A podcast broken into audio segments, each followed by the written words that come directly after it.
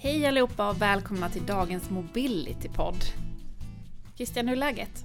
Det är bra med mig. Hur är det själv? Jo, men jag tycker det är fint. Lite trist väder bara. Det regnade som tusan när jag körde hit. Ja, men du körde ju hit. Ja, jag vet. Så det var inte så synd om det. Det bättre än att cykla. Det kan jag säga. Vi har en annan kollega här som eh, jag vet cyklade från Lund till jobbet idag i motsvarande väder. Okej, jag ska inte komma och klaga med min bil då. Det tycker jag verkligen inte du ska göra. Jaha, vad har hänt sen sist då?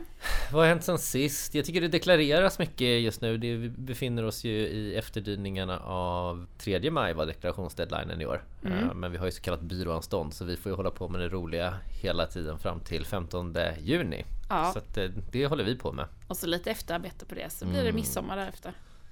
Roligare kan man ha det. Ja. Men idag ska vi ha kul i alla fall. Mm. Mm. Vad ska vi göra? Vi ska prata med en av våra kollegor från ett annat område, nämligen en av våra revisorer. Mm. Och varför ska vi göra det då? Jo, vi tänkte nämligen som så att eh, ofta får ju de avdelningarna som jobbar med utsändningar och personalförflyttningar, Global Mobility-avdelningarna, en del frågor från just sina finance-avdelningar. Hur ska vi bokföra det här? Hur ska vi redovisa det? Mm. Så därför tänkte vi vi tar in en expert och pratar lite med honom. Och det vi vill säga innan vi sätter igång såklart, det är ju att eh, podden innehåller bara allmän information och ingen faktisk rådgivning. Så är det så att man vill ha faktisk rådgivning, då får man gärna höra av sig till oss på mobilitypodden deloitte.se. Ja men exakt. Mm. Och med det så vill vi hälsa dig välkommen, Mattias Lönnqvist. Tack så jättemycket. Vem är du? Ja, 40 år gammal när eh, deklarationen skulle lämnas in så två dagar sedan fyllde jag jämnt. Och, eh, Får man gratulera i efterskott här? Mm, Tack så grattis, hjärtligt. grattis.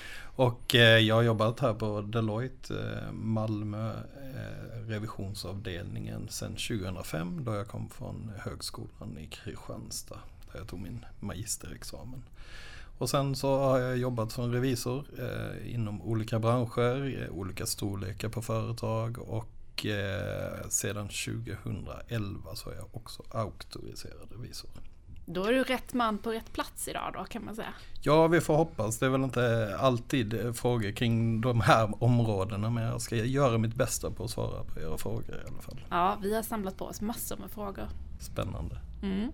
Men om vi börjar lite allmänt eh, Mattias, allmänt kring redovisning av, lön och just när man har lite sådana utlandssituationer. Är det något, något du vill säga inledningsvis?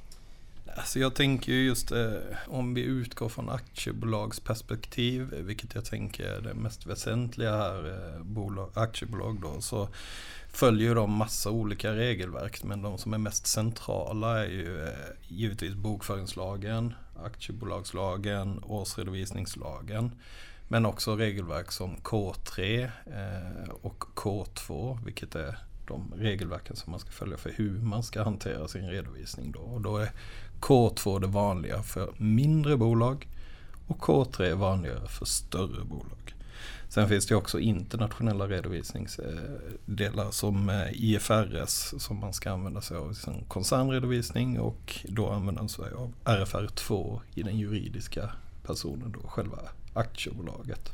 Men det som blir liksom huvuddelen av det här blir ju naturligtvis bokföringslagen då, att man ska bokföra i registreringsordning och systematisk ordning. Vilket innebär att man hela tiden ska kunna följa och eh, se fullständigheten och ge en överblickbarhet i själva bokföringen, redovisningen då egentligen. Eh, och de här affärshändelserna ska ju bokföras så snart som möjligt egentligen. Mer exakt än så finns det inte när det inte handlar om kontanta in och utbetalningar för då ska det vara dagen efter. Okej.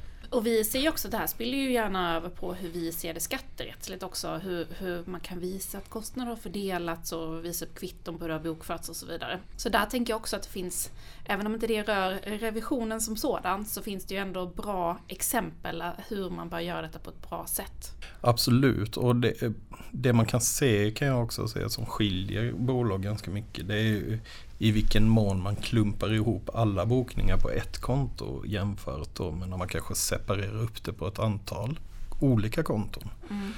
Där blir också, det är lite lättare att följa ju mer bruttoredovisning man har. Alltså ju fler konton man bryter upp det på och så vidare. Även om det kanske initialt är lite mer jobb och ha fler konton så blir ju själva uppföljningen av det hela väsentligt enklare i nästa steg då egentligen. Framförallt då om man kanske ska rapportera in till skattemyndigheter och liknande och det handlar om separata individer. Mm. Eh, att ha dem på egna konton om man kallar det så eh, underlättar ju för både uppföljning och analyser av det.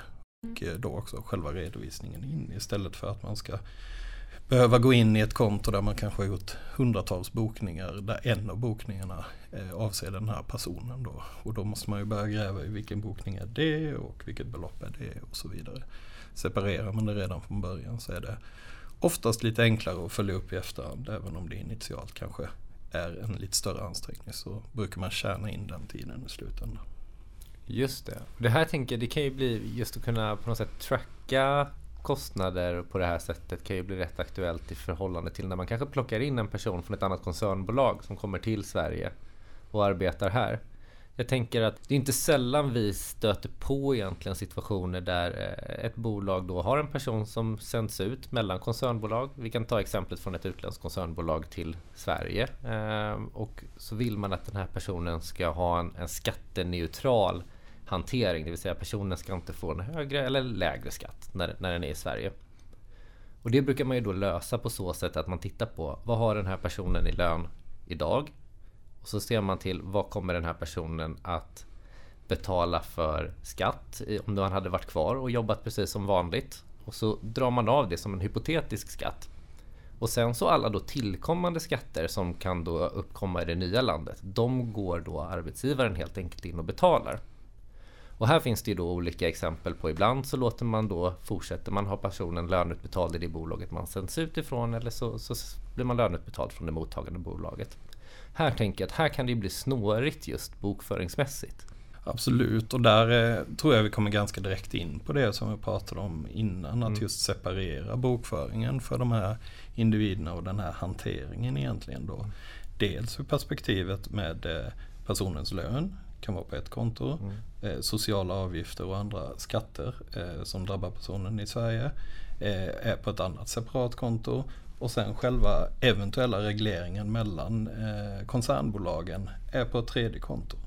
På det sättet ska man hela tiden dels följa om man har fått alla fakturorna från koncernbolagen som ska has för att det ska bli kostnadsneutralt eh, spel i konsolideringen då i koncernredovisningen mellan bolagen.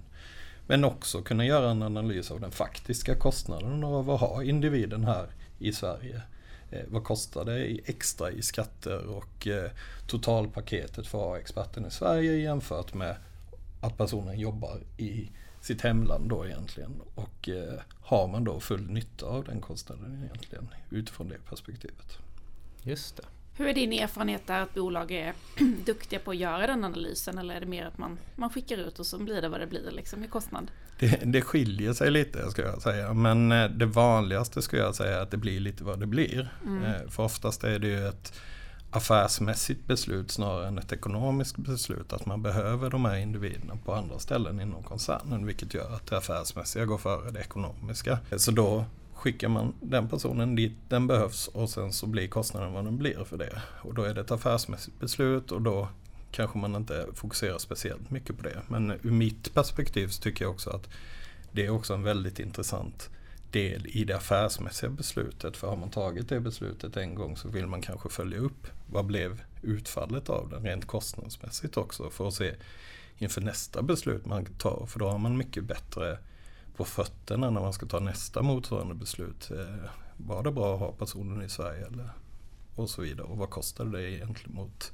vad vi fick ut av det och så vidare. Så att jag tror också att det kan bli en väldigt bra del för att kunna ta bra affärsmässiga beslut, vilket i slutändan egentligen är det absolut viktigaste. Men för att kunna ta ett bra affärsmässigt beslut så bör man ju veta vad kostnaden är för det hela också.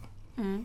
Det låter rimligt. Men jag tänker också att vi har ju varit igenom väldigt många olika regelverk här eh, tidigare i poddavsnitt. Vi hade som senast med Matt och Saric som berättade lite om det här med skyldighet att göra preliminärskatteavdrag på fakturor som avser arbetskostnad egentligen. Eh, och, och, då tänker jag också att då borde det absolut vara bra ifall man redan före eh, har bokat det här rätt så att man kan skilja på vad är kostnad för arbete, vad är kostnad för markup i projektet i sig och så vidare. Och det är det jag tänker att du menar med den här sista posten som du kallar det någonting, eh, ja, kostnader mellan bolagen. Ja men precis. Eh, koncernmellanhavandena blir det ju egentligen och faktureringen inom mm. koncernen. Och då trillar vi naturligtvis över på transfer pricing som en frågeställning också naturligtvis. Mellan, men den tror jag vi ska hålla lite vid sidan idag för det är inte mitt expertisområde. Men det blir också en del av helheten av analysen naturligtvis. Eh, och då tror jag också att det är just bra att separera det här för ett uppföljningsperspektiv till exempel. Då har man nu betalat rätt till eh, Skatteverket till exempel och är det den kostnaden som ligger på kontot. Istället för att återigen gå tillbaka till ett konto med väldigt, väldigt många bokningar på för att försöka bryta ut de specifika bokningarna som tillhör den här transaktionen då egentligen för att se om man har gjort rätt eller inte. Så både ur ett analytiskt perspektiv och ett uppföljningsperspektiv ska jag säga att det är väldigt bra att separera på det. Tyvärr ser vi nog det lite lite, ska jag mm. säga. För att det vanligaste kanske här är också att den kostnaden är ganska liten i helheten för respektive bolag. Vilket gör att de kanske inte tänker de tankarna direkt från början utan tanken kommer kanske sen när man väl ska börja göra uppföljningsarbetet. Att man har följt och betalat rätt och eh, att man har haft rätt eh, prissättning mellan bolagen och så vidare också. Då. Så ordning och reda från början? Jag tycker det och jag tror att eh, nio gånger av tio så tror jag att den extra insatsen man gör i början för att separera det sparar en tid i slutändan. Eh, så det hade absolut varit min rekommendation att dela på det så mycket som möjligt. Mm. För det är också väsentligt mycket enklare att följa upp om det blir fel. Mm. Eh, för då kan man ganska tydligt se vilka transaktioner som har varit och vad det har eventuellt blivit fel för någonstans.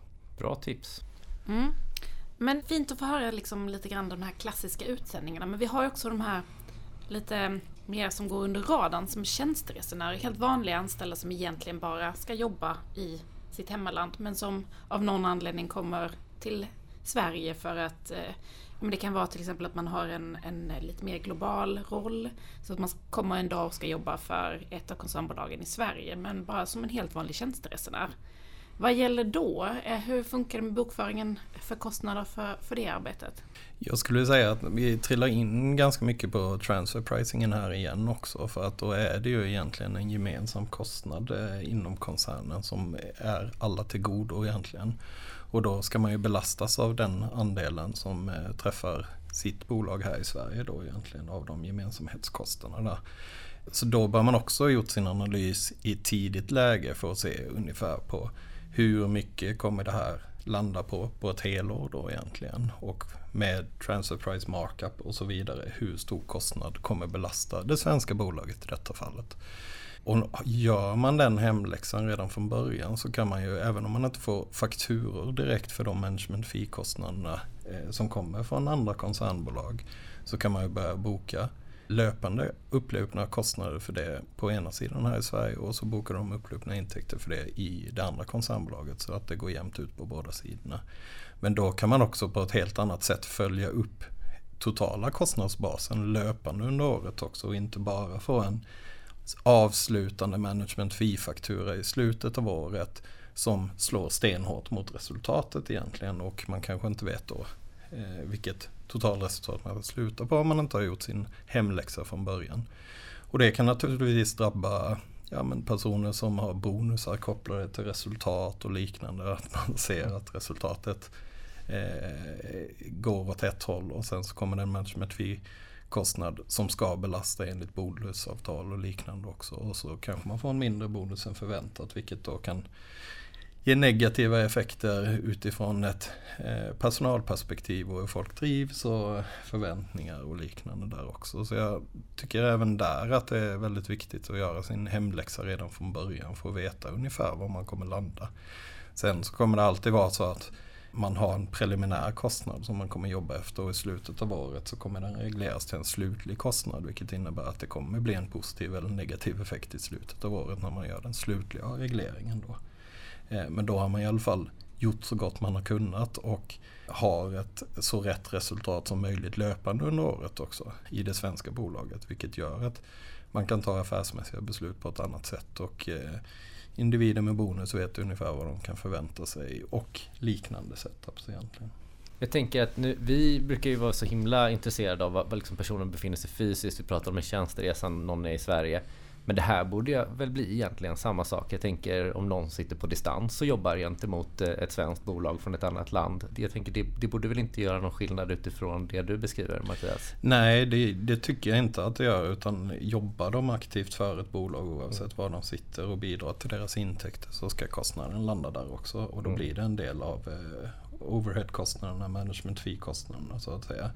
Sen är det väl mer inriktat till just individerna då, var de rent fysiskt befinner sig och hur beskattningen ska bli där och i det långa loppet där också då naturligtvis att om det finns risk för att man ska ha en annan lön i Sverige så ska man ju kanske betala några andra sociala avgifter på det i Sverige och då kan det ju drabba bolaget också naturligtvis. Men rent krast så tycker jag inte det ska göra någon skillnad ur ett eh, intäkt-kostnadsperspektiv i alla fall. För jobbar man åt ett bolag så ska den kostnaden belasta det bolaget inom koncernen också det gör det oftast för det finns ju oftast ett intresse i eh, bolaget där individen har sin lönekostnad också. Att de jobbar den personen för eh, något annat koncernbolag så vill de ju gärna få intäkt för den personen också då från de andra koncernbolagen. Skulle du ändå säga att, att många klienter som du jobbar med har vetskap om detta eller är det många som också har ovetskap om hur man ska nyckla ut kostnaderna? Jag tycker faktiskt att de flesta är ganska duktiga på det här. Eh, I alla fall de senaste åren har det blivit väldigt mycket bättre och det har ju mycket att göra med att fokus på transfer pricing har blivit väldigt mycket högre också i, i den internationella världen. Och då blir det ju naturligtvis att eh, det blir mer fokus på det i var separata land också. Genom det så ökar ju kompetensen och kunskapen hos bolagen också. Så jag tycker liksom den generella kompetensen och förståelsen för den har ökat kraftigt bara de senaste fem åren skulle jag säga. Sen kanske det skiljer sig en del för bolag som blir uppköpta av en internationell koncern eller liknande där man kanske har bara verkat inom Sverige innan och inte varit en del av en större koncern. Då blir det såklart väldigt mycket nytt med sådana här saker som kan påverka dem också om eh, de får den sortens eh, overheadkostnader och management fee-hjälp. Just det, och, och, nu, nu har vi pratat rätt mycket om eh, personer som skickas till höger och vänster mellan koncernbolag. Men det är inte omöjligt att vi har en situation där det egentligen inte finns något utbyte så tillvida av personal. Men, men någonting som vi ser är ju vanligt just i koncerner är ju att man ger ut olika former av incitamentsprogram. Och de här brukar ju ofta då vara generella för koncernen, det vill säga att det är samma program för samtliga koncernbolag, vilket då ofta resulterar i, i en tilldelning då av aktier i, i moderkoncernbolaget. Är det någonting man bör tänka på speciellt med tanke på den här typen av ersättningsmodeller, Mattias?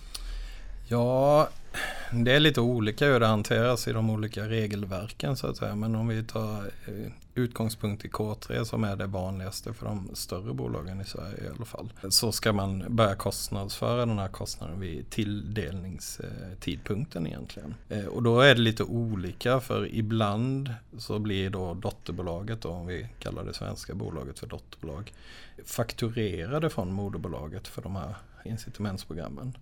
Och då ska man boka det som en personalkostnad å ena sidan och en intercompany-skuld på andra sidan då. Eller kassa om man betalar ut det direkt. Allt mot eh, att man inte blir debiterad från sitt moderbolag för detta. Och då måste man boka det som en personalkostnad. Men istället för att boka det som en intercompany eftersom man inte blir debiterad från moderbolaget så behöver man boka den över eget kapital egentligen då eftersom det är ett eget kapitalinstrument med optionerna.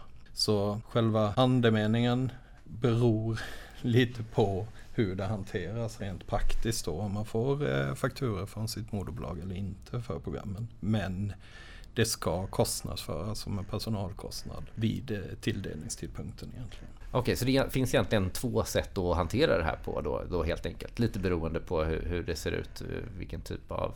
Precis, i alla fall enligt K3 då. Mm. Eh, sen så kan det ju finnas annorlunda om man till exempel följer IFRS istället liknande. Men jag tror inte vi behöver gå in i de detaljerna beroende på utan Nej. där finns ju vi tillgängliga om man har sådana frågeställningar. Ja men det är bra sagt. Och, men det kan väl också vara lite så att det kan ju vara värt att kanske lägga ner lite tid på att utreda de här frågorna in, i god tid innan det är dags. Så att det inte blir eh, att man sitter med alla de här frågorna samtidigt. Nej, och det som är väldigt viktigt kanske påpeka där också det är ju väldigt mycket att eh, avtalet styr ju redovisningen också. Så att det är extremt viktigt att gå igenom avtalen och kanske innan avtalen skrivs under eh, se till att kvalitetssäkra avtalen så att den redovisningsmässiga aspekten blir vad man har tänkt utifrån hur avtalet är utformat. För jag har ju sett exempel på där man har utformat ett avtal på ett sätt och trott att det skulle bli på ett annat sätt eh, redovisningsmässigt. Men så visade det sig att eftersom man utformade sig si och så i avtalet så måste man göra på ett specifikt sätt rent redovisningsmässigt sätt. Och då kanske det skiljer sig gentemot vad tanken var från början. Så det är väl den medskicket jag skulle vilja göra. Att se till att kvalitetssäkra att det som är skrivet i avtalen också ger den redovisningen som man har tänkt sig. Om det nu så är så man har tänkt. Det kan ju också vara att det inte spelar någon roll överhuvudtaget men för att kunna ta ett hundraprocentigt beslut på de här programmen då behöver man ju kanske också veta vilka redovisningsmässiga aspekter du får utöver de affärsmässiga aspekterna eh, också såklart. Där kan man ju också koppla an till att det är precis så som, som vi ser problematiken i, i skatterätten också så att säga. Att man kanske har tecknat ett avtal och tror att man har gjort på ett visst sätt men när vi sen går in och analyserar vad det här rör sig om så är det kanske inte det man faktiskt har angett att det är eller tror att det är utan det ska klassificeras som något helt annat skatterättsligt. Så att säga. Mm. Och jag tror det är otroligt vanligt oavsett om det är skattemässigt eller redovisningsmässigt. Mm. Att eh, man har eh, jurister eh, som hjälper en att utforma på ett sätt men man har inte bollat med sina skatteexperter eller sina redovisningsspecialister vilken effekt den här utformningen av kontrakten får. Eh, så det tycker jag absolut är någonting som man bör göra om det är väsentliga kontrakt naturligtvis. Att man tar in alla aspekter av det hela.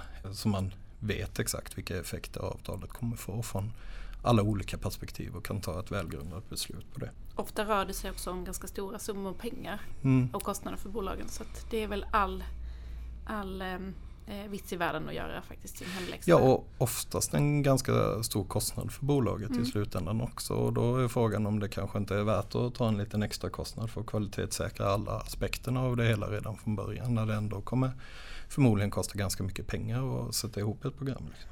Bra medskick tycker jag. Mm. Tack Mattias, det har varit väldigt lärorikt att få lyssna på eh, alla svar som du har haft på våra frågor. Om vi bara ska sammanfatta, vad har du liksom för medskick om du får välja ett. Ja, eh, jag tycker ju då att eh, man ska lägga lite extra tid i början på att bruttoredovisa så mycket som möjligt för att kunna göra sina uppföljningar både ur ett kvalitetsmässigt perspektiv eh, men också ur ett analysperspektiv. Så att man lägger den lilla extra tiden i början så man slipper gräva i de lite större kontona vid en senare tidpunkt och lägga mycket mer tid då. Super! Jag har en sista fråga också. Det har ju liksom ingenting med varken skatt eller redovisning att göra. Men hur är det med rockintresset? Ska du till Norge Rockfestival i år eller? Jag hade åkt dit eh, om de inte hade ställt in det i år igen. Så det är, eh, jag var där tio år i rad innan 2020 och covid-situationen. Så då fick de ställa in 2020. Sen levde hoppet ganska länge för att det skulle bli en festival 2021. Men i början av april så sköt de upp det igen. Så 2022 ska jag åka dit och eh, igår konfirmerade de eh, den absolut största delen av line-upen där också. Så det kommer bli ungefär samma band som jag hade tänkt se redan förra året. Så ah, det ska bli... Schysst. Vilken är den största, vilket bästa bandet då i line-upen? Vilket är din favorit? Ja, eh, de var väl alldeles säkert bättre förr när jag var yngre och eh, tyckte än mer om dem. Men det är ju Guns N' Roses skulle ah. jag säga. Mm -hmm. Eh, det är inte första gången de kommer till Sweden Rock men eh, jag vågar nog påstå att eh, de kommer vara väsentligt bättre denna gången när de är på Sweden Rock än när de var där sist. Det kommer bli stökigt, det har jag direkt. Vi hoppas det. jag kommer ju därifrån eh, ursprungligen eh, i närheten så jag vet ju vad det innebär. Liksom. Ja, det är en hel bygd som, eh, som växer upp får man väl kalla det. Ja, När det ska in plats. 30 000 rockers på en rätt begränsad yta i en vecka.